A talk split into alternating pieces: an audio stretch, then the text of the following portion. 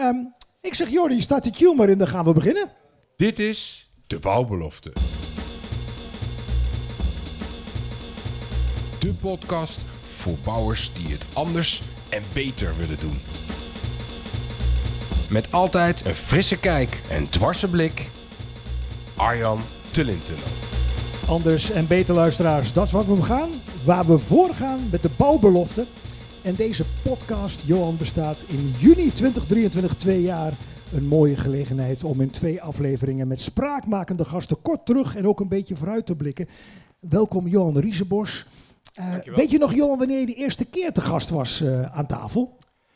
Ja, dat was met um, in, in uh, een leuke locatie in Zwolle, als ik me goed herinner. Onze vaste opnameplek. Zo is dat. En um, daar uh, hebben we heel leuk gepraat over uh, of de bouw nu eigenlijk wel verder kon, of dat we helemaal op slot zaten en of er nog wat toekomst was. En, ja. ja. En vandaar dan ook het thema van deze speciale editie van de Bouwbelofte, de wijde blik naar een circulaire economie. Ja, en, en tussentijds is er bij jou ook iets veranderd, hè? want uh, je bent nog steeds werkzaam voor Terstegen, ja. bekende bouwer, maar je doet ook wat in het onderwijs en specifiek in het hbo-onderwijs. Kun je daar iets over vertellen?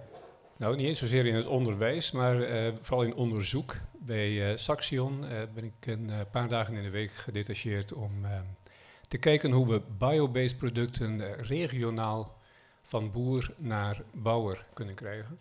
En daar ook de businessmodellen voor kunnen ontwikkelen die nodig zijn.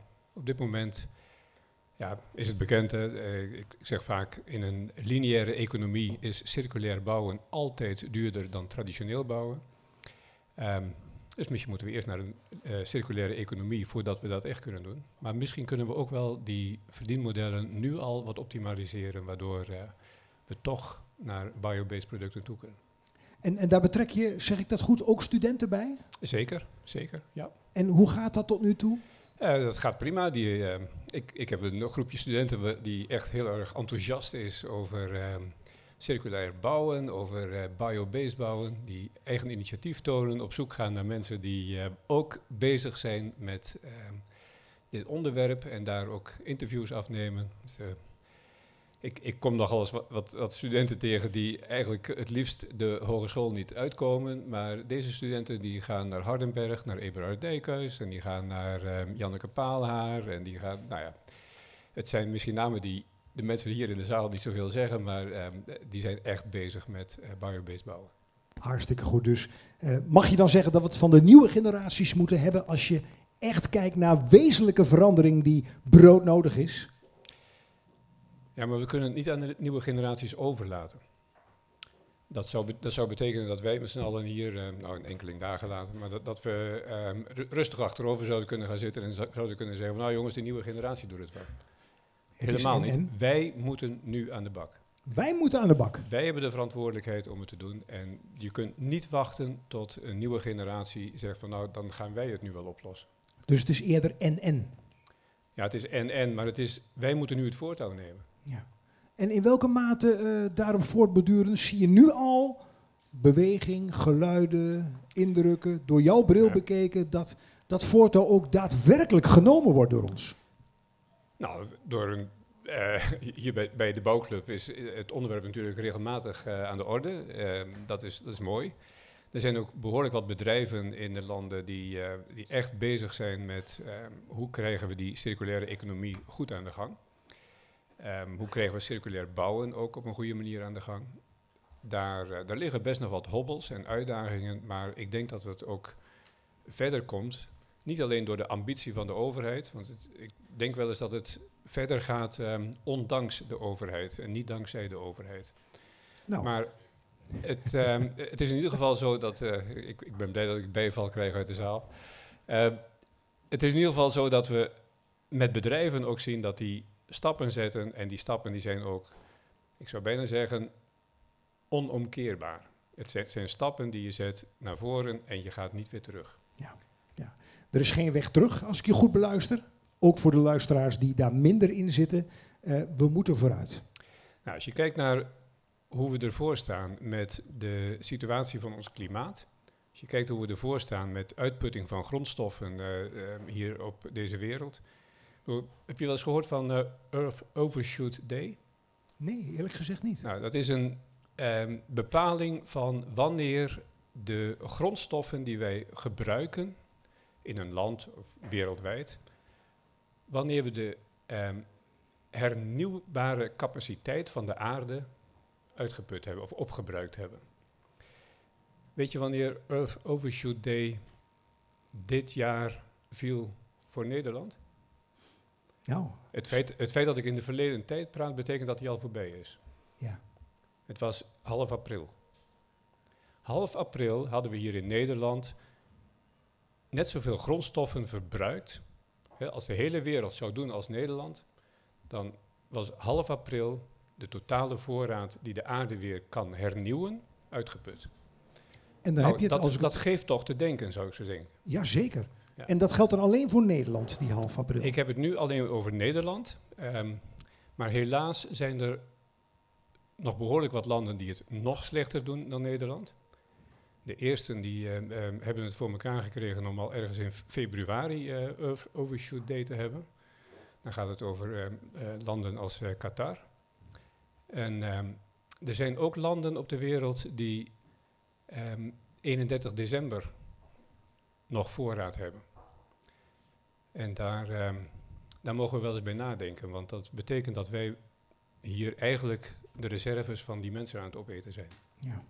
Nou, Nou, dan heb ik, dat heb ik dus over de grondstoffen. En daarnaast, met die klimaatverandering, praat je ook nog eens een keer over een. ehm, nou ja, we hebben nu net een paar hoosbuien gehad. Ik hoop dat hier in Rijssen de, de tunnels eh, droog gebleven zijn. Dat weet ik eigenlijk niet precies, maar ja, oh, mooi. Dan, werkt dan werkt dat regenopvangsysteem tenminste. Ehm, het is eh, wel zo dat een, ehm, een behoorlijk deel van Nederland toch weer blanke straten had. En eh, je ziet gewoon dat de extremen heftiger worden. Eh, vorig jaar hadden we natuurlijk Limburg. En je ziet daarnaast de droge periode met nu alweer klachten over ja, en, en hoe gaan we dit nu doen met de grondwaterstand. En, we moeten aan klimaatadaptatie doen. We moeten de voorraad eh, grondstoffen die we uit de grond halen ehm, verminderen. En we moeten zorgen voor een enorme berg CO2-reductie. En niet alleen als ik CO2 zeg, bedoel ik alle broeikasgassen die eh, ervoor zorgen dat de, ehm, de opwarming hier steeds sneller gaat. dat zijn flinke opgaven die je zo even in vogelvlucht schetst. En de overheid kwam al even heel kort voorbij in een bijzin. Ehm, provincies moeten voor 1 juli aanstaande, 1 juli 2023, plannen indienen. Ehm, er is een behoorlijke aardverschuiving geweest in de provinciehuizen als je kijkt naar de recente verkiezingen. Kun jij voorzien of doorzien, eh, kun je iets zeggen over de mogelijke gevolgen daarvan? Als je kijkt naar het biobased bouwen waar we meer naartoe willen slash moeten. Nou, als ik ehm, zo, zojuist heb gezegd dat eh, het doorgaat ondanks de overheid, dan zou je ook kunnen zeggen van, nou ja, wat maakt het uit of het nou 1 juli is of dat het later is. Aan de andere kant, het, ehm, het is triest om te zien dat we hier in Nederland zoveel aan elkaar gelinkte problemen hebben, waar ook aan elkaar gelinkte oplossingen voor zijn. En dat we ehm, met z'n allen gigantisch polariserend tegenover elkaar gaan staan en eigenlijk niet meer op een fatsoenlijke manier met elkaar kunnen overleggen van hoe komen we nou tot die oplossingen. Dat is hier in het, ehm, in het Twentse en, en in het oosten van het land in het algemeen is het ehm, bijna niet voor te stellen dat je niet met elkaar praat. Maar nou ja, we hebben eh, gisteravond gezien dat het, het eh, landbouwakkoord geklapt is. En ehm, er, gaan nu alweer stemmen op van, eh, nou en laten we dan ook de regering maar laten vallen. Eh, eh, als, alsof het daarmee een oplossing is. Hè. Het, het, het lijkt wel alsof er niet meer nagedacht wordt over hoe we naar oplossingen komen. En alleen nog maar gekeken wordt, hoe kunnen we het zo beroerd mogelijk maken. En ja, ik, ik, voorzie ook met een andere insteek ehm, dat ambtenaren, zowel bij de provincie als bij de Rijksoverheid, ja, hoor ik praten over, ja, we hebben de plannen wel liggen, maar we weten niet of ze ingediend gaan worden. Nou, dat, dat zegt genoeg, denk ik. Ja, ja dat, dat, dat is echt eh, stof tot nadenken, food for thought. Ehm, realisme en transparantie, hè, dat zijn ook woorden die bij jou passen, die zijn nodig. Ja. Ehm, doe je dan specifiek of op die term biobased? Hè? Want, want er wordt gauw geschept met termen als van ja, ik bouw al 95% biobased bijvoorbeeld. Ja. Dat wordt geframed in de media, op de socials, in de online media, de offline media. Ja. Ja. en als leek, door die bril wil ik ook kijken, denk je van ja, het zal wel goed gaan. Dat is toch hartstikke mooi, hè? 95% biobased. Ja, Ja. en nu? Nou, zo, zo iemand die dat, die dat roept, die moet je eventjes vragen ehm, of die ook eh, installaties in die woning heeft zitten. Of die ehm, ook een badkamer maakt en een wc. En, eh, dat zijn allemaal geen biobased producten die daarvoor worden toegepast. En misschien is wel de eerste vraag die je moet stellen. ehm 95% biobased. 95% van wat? Van je vierkante meters eh, Woonoppervlak. woonoppervlak of van je kubieke meters eh, woning of bedoel, wat, waarvan is 95% biobased? En dan krijg je als antwoord, ja, dat is volume gerelateerd. Nou, dat is fijn, omdat het eh, volume gerelateerd is. Ehm, dat kan dan al makkelijk, hè, want als je traditionele eh, isolatiematerialen toepast, eh, kun je behoorlijk dun isoleren voor een, goede isolatiewaarde.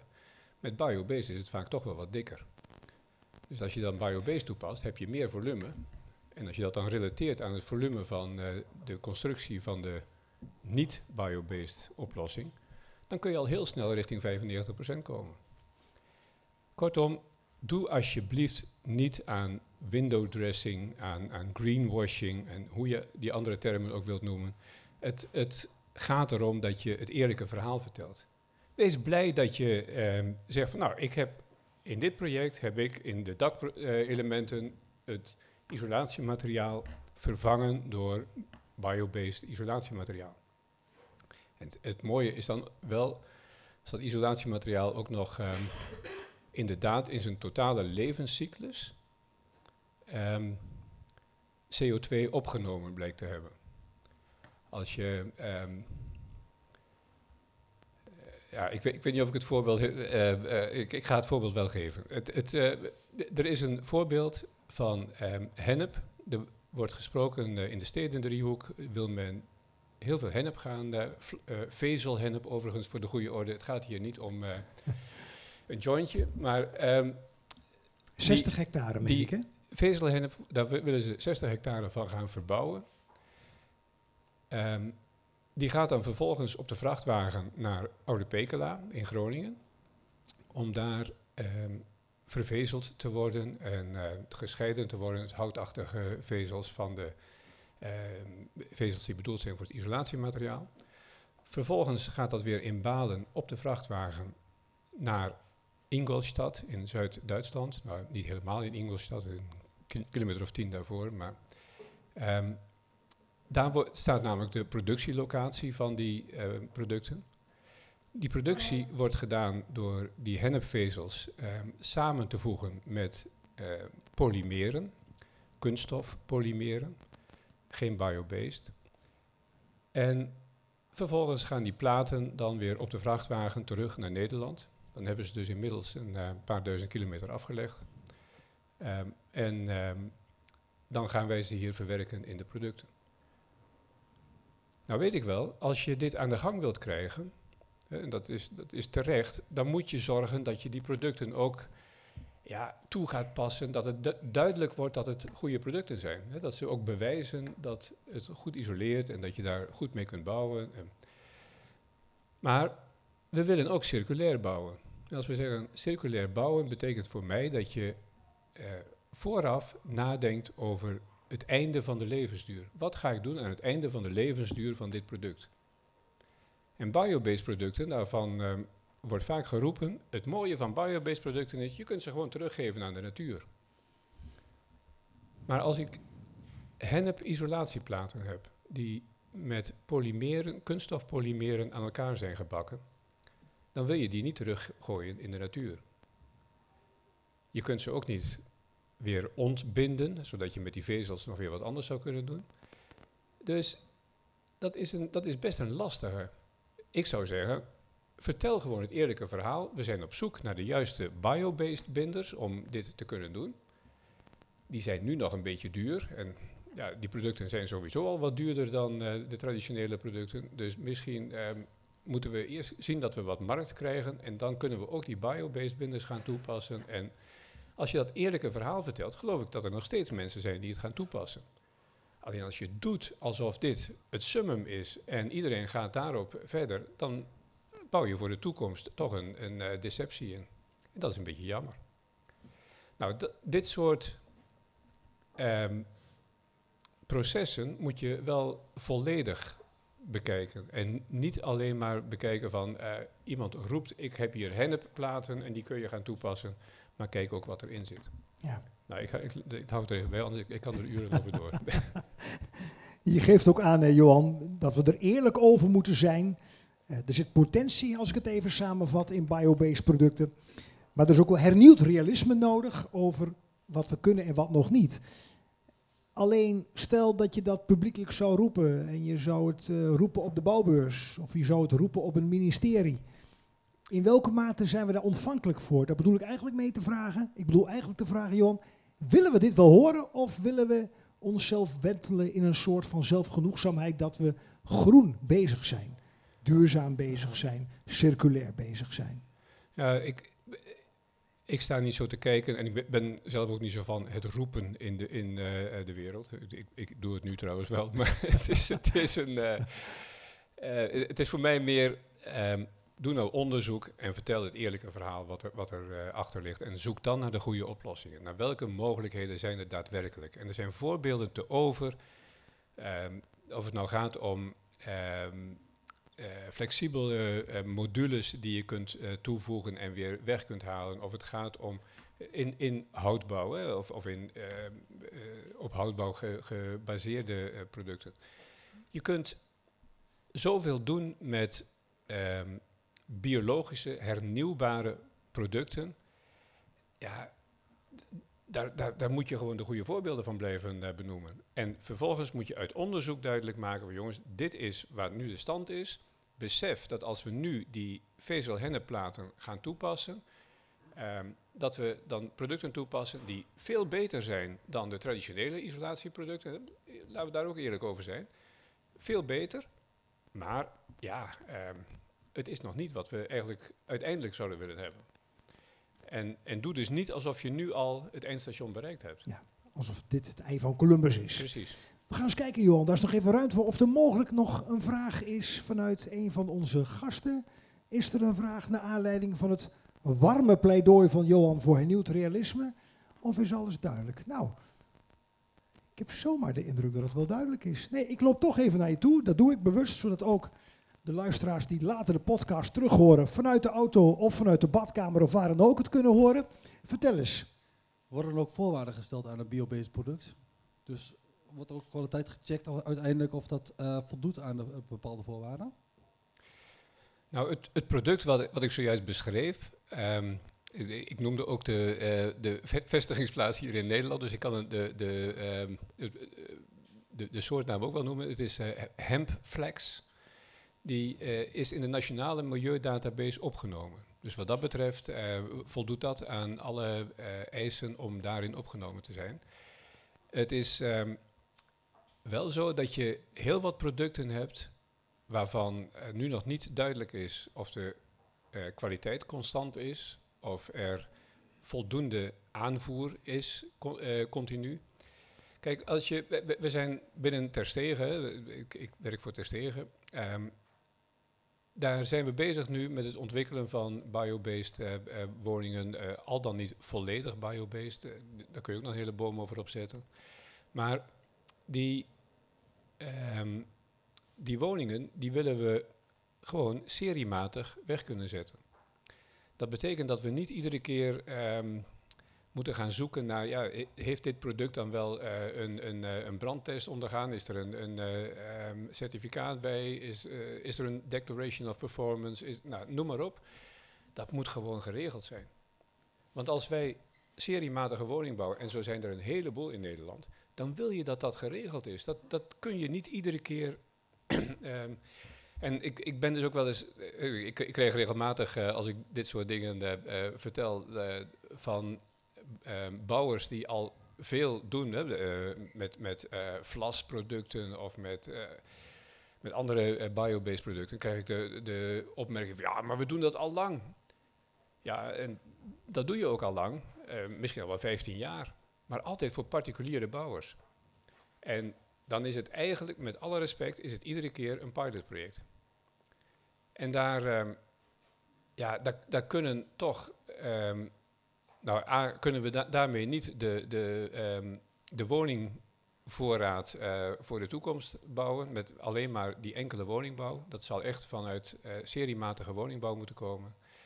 En dan ja, zul je toch ook moeten kijken naar constante kwaliteit, constante aanvoer van producten. Is dit een antwoord op je vraag? Ja hoor. Oké, dankjewel. Oh, nou. Nog ruimte voor twee vragen. Dit is er één. Gerard, ik kom zo bij jou. Ja, ik vroeg me af, is er überhaupt, eh, je noemde net eh, de, de grondstoffen die eh, niet voorradig zijn. Maar is het wel mogelijk om eh, voldoende biobased materiaal te krijgen om überhaupt eh, alle woningen te bouwen? Nou, daar, daar kun je ook nog een hele boom over opzetten. Voorlo- voor- voorlo- voorlopig, kunnen we, voorlopig kunnen we best wel het, het, eh, nodige doen. En het is, ehm, als je kijkt naar de, de isolatiematerialen, daar heb ik nu even op gefocust. Maar als je kijkt naar de isolatiematerialen, hebben we in Nederland ruim voldoende areaal om ehm, die te gaan eh, telen. En het zou dus een mooie oplossing kunnen zijn als je zegt, ik ga de veehouderij extensiveren. Eh, dat de veehouders die daar nu mee bezig zijn, een deel van hun, ehm, hun grond gaan gebruiken om dit soort producten te gaan eh, eh, telen.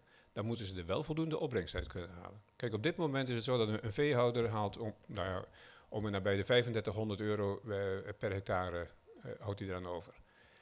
Met ehm, de teelt van ehm, bijvoorbeeld hennep, nou, realistisch gezien ongeveer 2500. Nou, die 1000 euro eh, per hectare gaat hij er gewoon niet bij leggen. Dat, dat kan ik je verzekeren. En ik weet niet hoe daar in het landbouwakkoord over gesproken is, maar eh, kijk, je, je kunt een eindje komen dat je zegt, ik ga ook eh, carbon credits toepassen. Hè? Dan, dan zou je alweer wat op kunnen schalen. Je kunt ook zeggen, voor die henneproducten heeft hij veel minder uren nodig om de grond te bewerken. Eh, je hoeft geen eh, eh, pesticiden meer toe te passen, en, nou, noem maar op. Dus dat levert ook allemaal wat op. Maar het zijn allemaal marginale stukjes. Nou, laat die eens op 2800, misschien wel op 3000 kunnen komen, maar het blijft een min. Nou, ik kan me goed voorstellen dat die boeren dan zeggen, ja, maar daar begin ik dus niet aan. Dus daar is ook nog werk aan de winkel. Daar is echt werk ja, aan de winkel. serieus Ja, werk absoluut. aan de winkel. Ja. We komen een heel eind, hoor ik u zeggen. Mooi. Ja. Nog ruimte voor één vraag. Ja, eh, Johan, ehm, je hebt het net over de seriematige woningbouw. We zitten nu in een, eh, in een fase dat eh, eh, woningen moeilijk verkoopbaar zijn, omdat, ik zeg het maar even plat, ze gewoon te duur zijn. Bepaalde segmenten. Dat staat natuurlijk wel een beetje haaks op het gebruik van biobased materialen, waarvan jij ook zegt van ja, ze zijn op dit moment eigenlijk nog te duur. Ja. En daar moet seriematig in, in komen om uiteindelijk die prijs op een, op een goed niveau te krijgen. Hoe kijk jij daar tegenaan? Eh, heb jij daarover nagedacht? Is daar een oplossing voor? Eh, als ik de oplossing had, zou ik hem hier vertellen. maar die, die, heb ik ook, die heb ik ook niet. Sta, sta- staat dus de ontwikkeling van biobased materialen een beetje op de tocht door de druk op de woningmarkt? Ja, uit- uiteraard. Kijk, ik zat gistermiddag bij een gemeente die ehm, nadenkt over eh, circulaire uitvragen en, en daar ook een belangrijke rol voor biobased in eh, toekent voor een woningbouwopgave die ze hebben in die gemeente. En daar ben ik ehm, begonnen met me in te lezen in, in eh, wat daar in die gemeente precies speelt. En je komt, ik zou bijna zeggen, op elke pagina van de rapporten van die gemeente kom je tegen dat het gaat om betaalbaarheid van woningen. Da- dat is een van de belangrijkste punten. Dus ik ben gistermiddag mijn verhaal begonnen met te zeggen, ehm, wat jullie willen staat op hele gespannen voet met wat jullie opgeschreven hebben. Want als je echt circulair wilt bouwen in een lineaire economie, moet je ervan overtuigd zijn dat dat duurder wordt. En jullie willen graag betaalbare woningen, dan kunnen er twee dingen gebeuren. Of je stopt met die circulaire economie, Of je gaat er wel mee door, maar dan betekent het dat de woningen kleiner worden. Dat, dat, zijn, dat, dat zijn dan de, de twee opties die je volgens mij hebt. En op dit moment zitten we natuurlijk in een situatie dat allerlei bouwmaterialen, nou, de prijzen beginnen weer ietsje naar beneden te gaan, maar het, het, het is ehm, eh, sky high gegaan. Ehm, misschien zit, zit daar ook nog wel wat lucht in, maar ja, je zult met je biobased producten nu altijd duurder uitkomen dan, ehm, dan wat je eh, hebt. Dus staat het op de tocht? Ik weet het niet. Ik weet wel dat heel veel bouwers die op dit moment roepen dat ze ehm, hun, hun eh, biobased eh, circulaire eh, concepten eh, hebben en daar groot mee adverteren, dat die er nog maar bar weinig van gebouwd hebben. Ik zie een klein vraagteken. In ieder geval, een, da- daar is werk aan de winkel, maar ook Ja. een spanningsveld, een dilemma. Ja. Van hé, hey, we willen. Ja. Die wil is er wel, alleen als het economisch minder gaat, hoor ik een beetje doorklinken. Dan gaat die P van prijs toch wel eh, weer belangrijker worden. Ja, we willen de mensen toch ook betaalbaar eh, huis- Zeker. huisvesting bieden. En Ja. betaalbaar is voor mij wel de totale woonlasten overigens. Hè. Dat is niet alleen de, de, de huur of de, de Ja. hypotheek, maar het is wel je totale woonlast. Nou. Ik, ik loop nog één keer. Oké, korte vraag, kort antwoord. Ja, nou dat kan ik niet beloven. Eh, ik heb even Ik wel. Ehm, als je kijkt naar bijvoorbeeld de productie van rubber, hè, in het verleden eh, zijn er wat ziektes uitgekomen in Brazilië van de rubberboom waar dat kwam. En dan zie je dat eh, Nederland is het epicenter met Wageningen als het gaat ook om het verbouwen van dingen.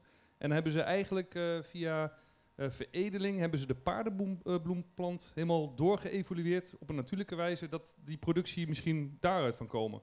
Is er ook duidelijk binnen de bouwsector waar je dan naartoe moet werken dat het wel betaalbaar wordt. Want misschien is de oplossing er wel, maar moet die nog gecreëerd worden. Maar ja, dan moet je wel ja, daar naartoe sturen. En dat kan niet misschien alleen vanuit eh, ja, de eigen sector komen. Nee, dat, dat ben ik helemaal met je eens. Eh, dat is ook de reden waarom ik bij Saxion zit. eh, om het onderzoek te doen en ook veel contact heb met de Wageningen Universiteit. Juist om te kijken van, het heet hier de wijde blik, maar laten we wat breder kijken dan alleen de bouwsector. En ja, zeker als je in de agrarische sector ook met oplossingen wilt komen, dan zul je ook moeten kijken naar eh, wat voor grond zit er. Hè. Ik bedoel, je kunt op zandgrond wel lisdoltes willen, willen eh, eh, telen, maar dat gaat een beetje lastig. Dat zou je misschien wel in de beekdalen kunnen doen, maar verder niet. Dus je, je moet nadenken welk product kan waar worden geproduceerd en wat levert dan het beste resultaat op. Dus een gezond zakelijke benadering richting een afronding. Maar ook breder kijken, hoor ik je zeggen, door nadrukkelijk ook Wageningen erbij te Ja, ja, betrekken. ja. En ook Saxion om de innovatie niet alleen uit de sector zelf te halen, uit de bouwsector. Eh, je, moet, Vandaar die wijde blik. je zult in een circulaire economie samen aan de slag moeten, anders komt het niet voor elkaar. Nou, dat is een mooie afronding. Johan, dankjewel. En eh, ja, we weten, je kunt er gerust nog een uur, wel twee uur, wel drie uur verder over spreken. Ja. Want dit thema, daarover zijn we nog lang niet uitgesproken. Ook niet binnen de bouwclub, ook niet binnen de bouwbelofte. Fijn dat je er was. Heb je nog één laatste boodschap als afsluiter in het licht van de wijde blik? Niet opgeven, gewoon doorgaan. Niet opgeven, gewoon doorgaan. Dat is een waardige afsluiting. Mag een applaus voor Johan Riesenbos. Dank je Johan, dank u wel luisteraars. Ik sluit af met de bekende woorden. Tot de volgende bouwbelofte.